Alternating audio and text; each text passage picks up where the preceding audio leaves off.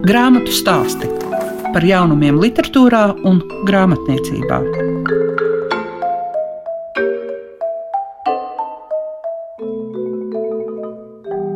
Šonadēļ dzīslas noskaņas jūs varat izjust dzīslu dienu laikā, kas programmā Klasika ir 10.6.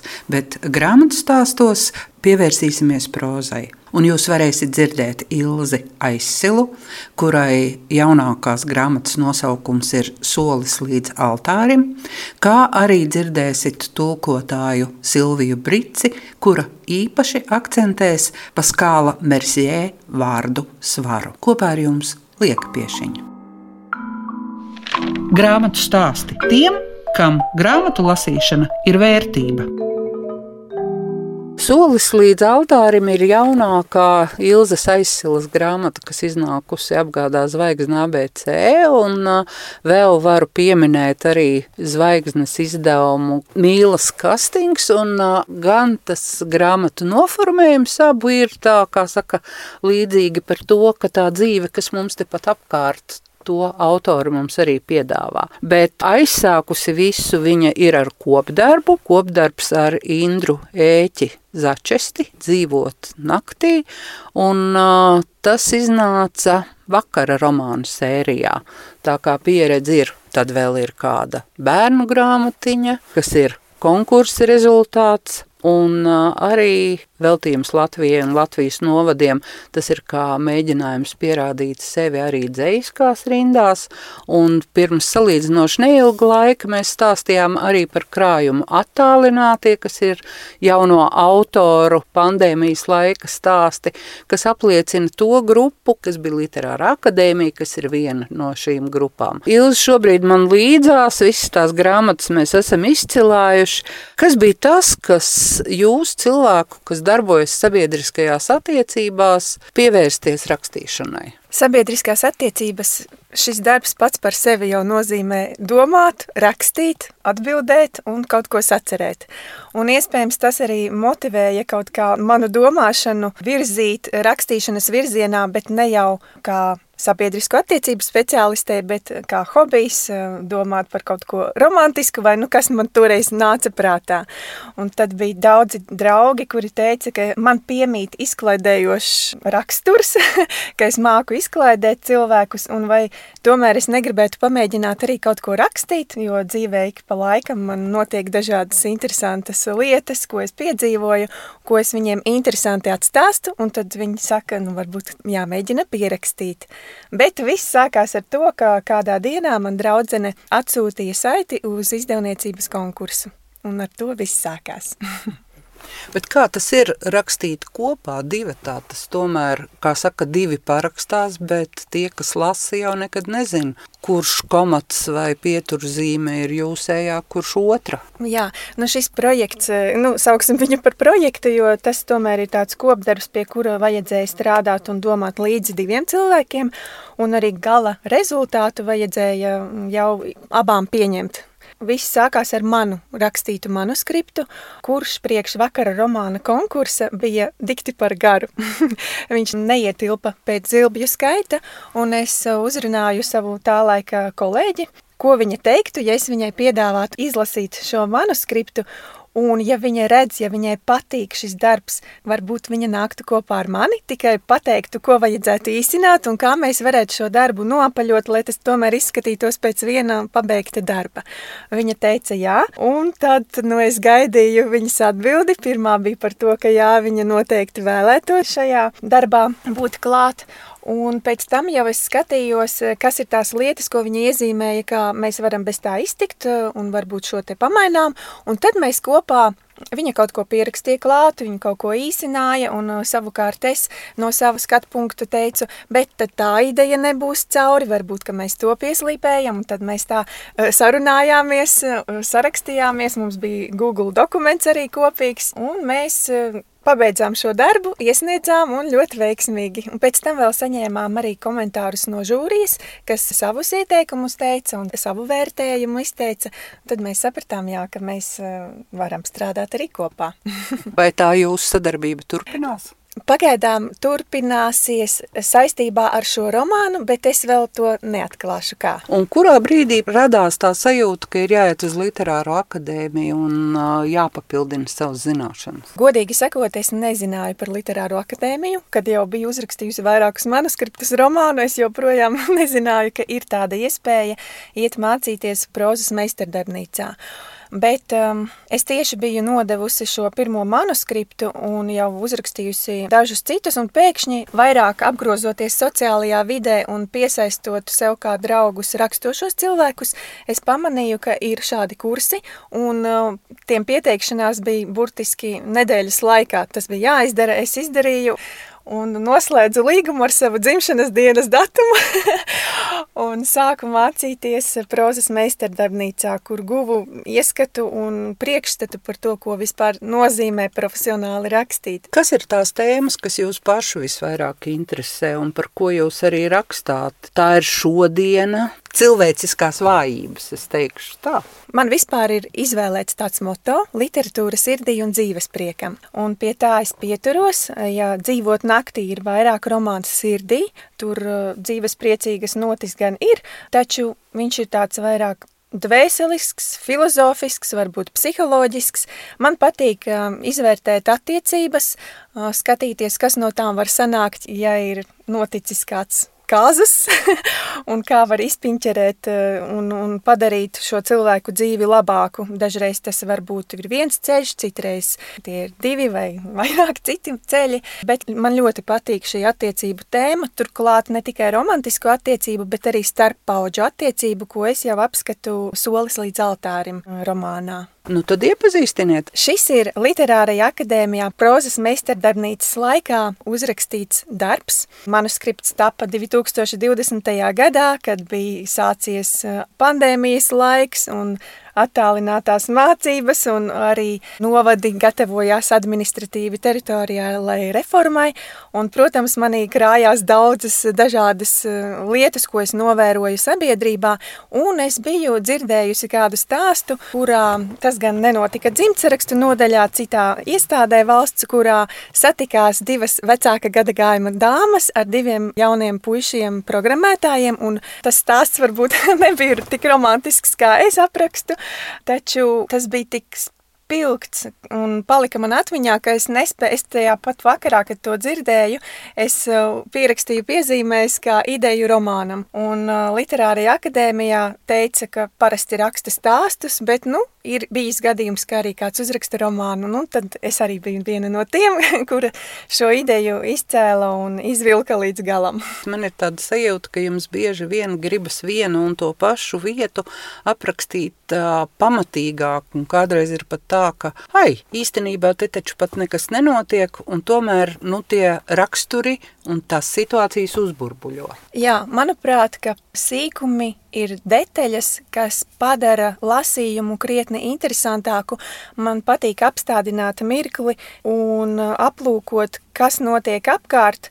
Es arī lasot citu darbus, es jūtu, ka man varbūt ne īpaši saista vienkārši atstāstījums, kas notiek. Es gribu sajust šo mirkli, un tai mirklī var pūst vējš, tur upe var čalot, un upes ūdeņi, un, un putni dziedāt, un to visu var savilkt kontekstā un izmantot arī kā zemtekstus eh, rakstot, un tas ir tāds aizraujošs process arī rakstot, radošs. Bet uh, principā patīk tā kā apjomīgi darbi. Man viņa vienkārši sanāk.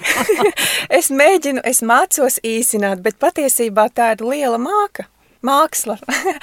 jo stāstus, protams, es arī rakstu, bet es sāku ar romāniem. Man kaut kā ir vieglāk izklāstīt savus domas garākā tekstā nekā īsā. Tāpēc arī viens no varbūt iemesliem, kāpēc es gribu mācīties arī pamatīgāk um, dzējoļu rakstīšanu, tādēļ, ka tā ir iespēja īsā kodolīgā teksta laukumā uzrakstīt domu.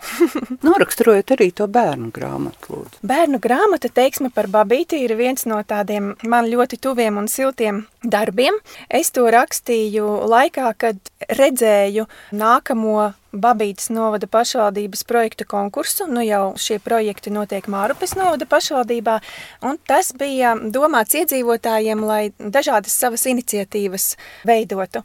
Un tad man ienāca prātā doma, tā kā man pašai arī ir mazi bērni, un es zinu, ko viņiem māca skolā, un viena no tām lietām ir, protams, mūsu senās tradīcijas, un tās bija arī teikas par Babīti, un es jau to laiku pamanīju, ka teika par babīti ir tāda drūmā spēlēkās krāsās, bet man ļoti patika tā ideja, un es izvēlējos šo ideju par pamatu pasakas veidošanai, un lai parādītu bērniem, ka arī no šāda varbūt nedaudz skumja satura darba var izveidot kaut ko gaišu un priecīgu un pamācošu. Un šis ir darbs, kas bija veidots pirmklasniekiem, lai viņus motivētu mācīties. Un mācīties iepazīt šo pasauli. Un savukārt šīs grāmatiņas beigās ir apkopotas trīs senās tautas teikas par Babītes ezeru un tā vārda izcelsmi, kas arī ir noderīgi.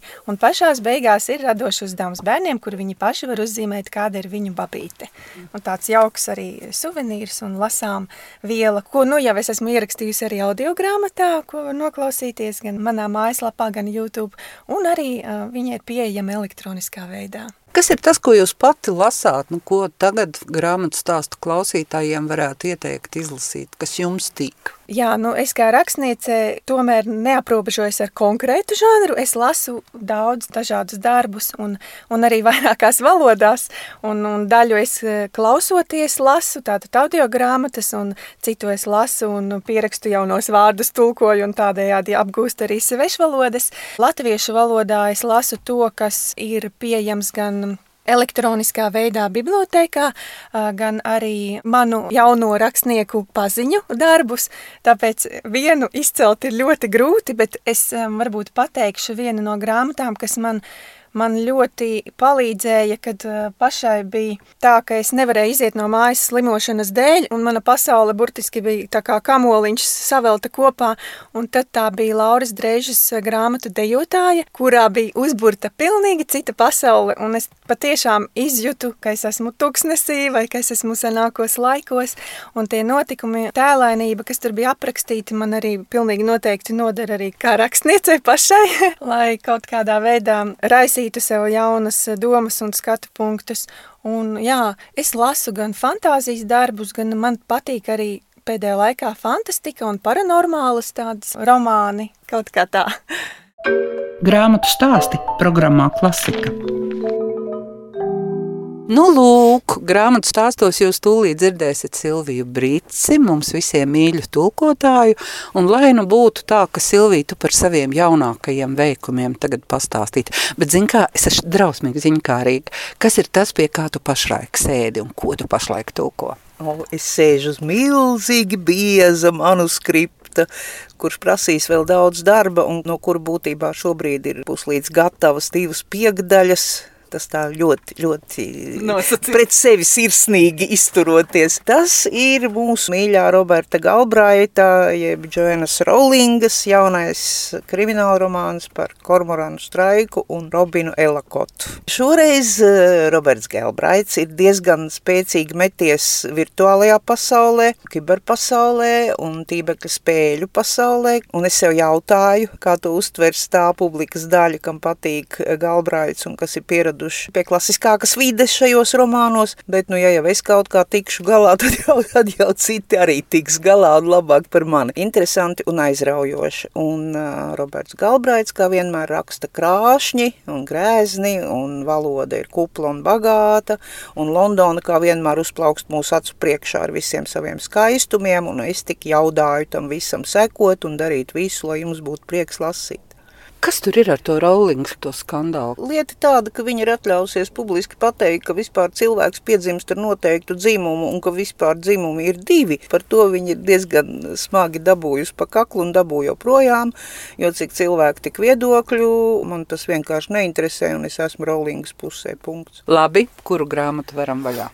Jā, mēs varam vaļā grāmatu, kas ir parādījusies Latvijas grāmatnīcās šķiet pirms divām nedēļām, un tas ir latviešu lasītājiem labi pazīstamais Paskāls Mercier. Savā laikā latviešu lasītājiem ļoti patika viņa romāns Nakts vilciens uz Lisabonu, jo tas jau savā ziņā daļliteratūras lauciņā ir izņēmums, kad grāmata nespīd tikai ar sižetu vien, bet kad grāmata dod lielu vielu pārdomām, dara to neuzmanīgi, mācīgi un ļoti gudri, un to pieprot Paskāls Mersie, kurš pats ir filozofs pēc izglītības īstajā vārdā Pēters Bīri, kurš savu pseidonīmu Paskāls Mersie ir ņēmis no Blēza Paskāla vārda, un no Luīsa Sebastiāna Mersie vārda, apvienodams tos kopā un sākdams rakstīt daļliteratūru. Latviešu valodā arī iznākusi viņa novele Lea kas man pašai ļoti patika un šķita brīnišķīgi dziļa emocionālā ziņā. Nu, un tagad Paskāls Mersie ir uzrakstījis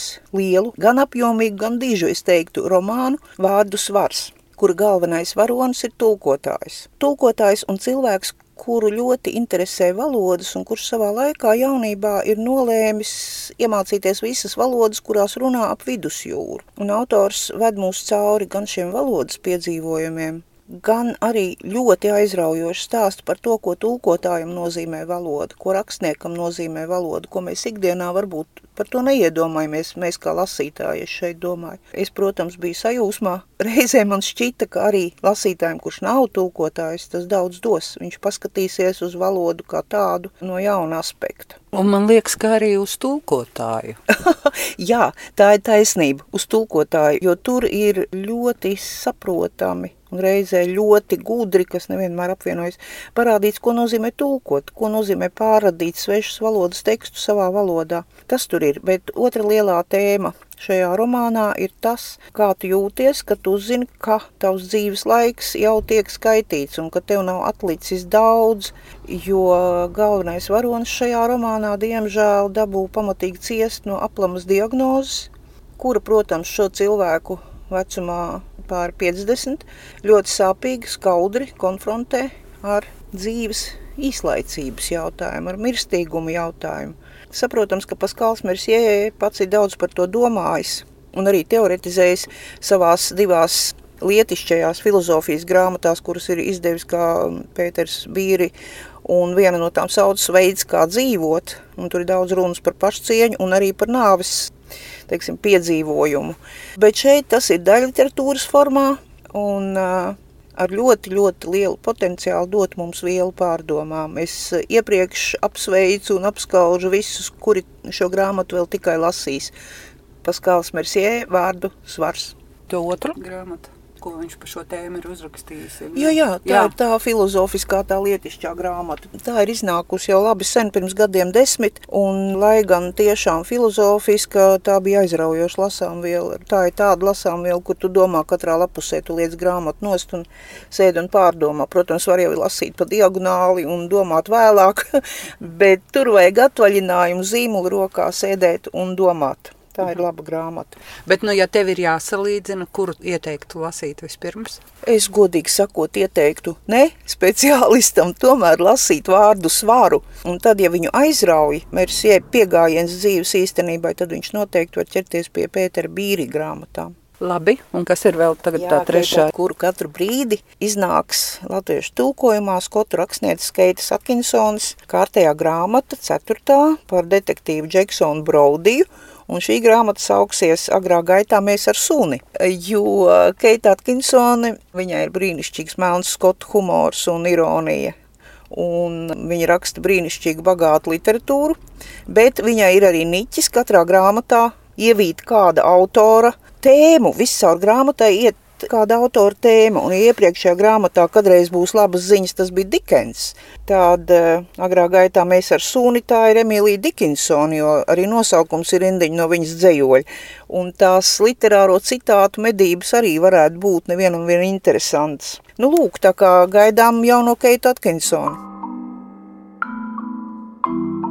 Izskan grāmatu stāsti. Šīs dienas raidījumā dzirdējāt Ilzi Aizsilu. Viņa stāstīja par savām grāmatām, īpaši akcentējot solis līdz altārim. Vēl dzirdējāt arī tulkotāju Silviju Brici, kura iepazīstināja ar vairākām nesen tulkotām grāmatām, iepriecinot tos lasītājus, kuriem ir paticis Paskāla Mercier nakts vilciens uz Lisabonu, jo tagad iznākusi arī viņa grāmata Vārdu svars. Visu labu līdz citai tikšanās reizei jums saka Liega Piešiņa.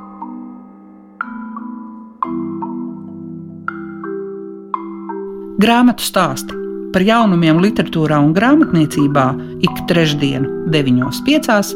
ar atkārtojumu Svētdien, 18.15.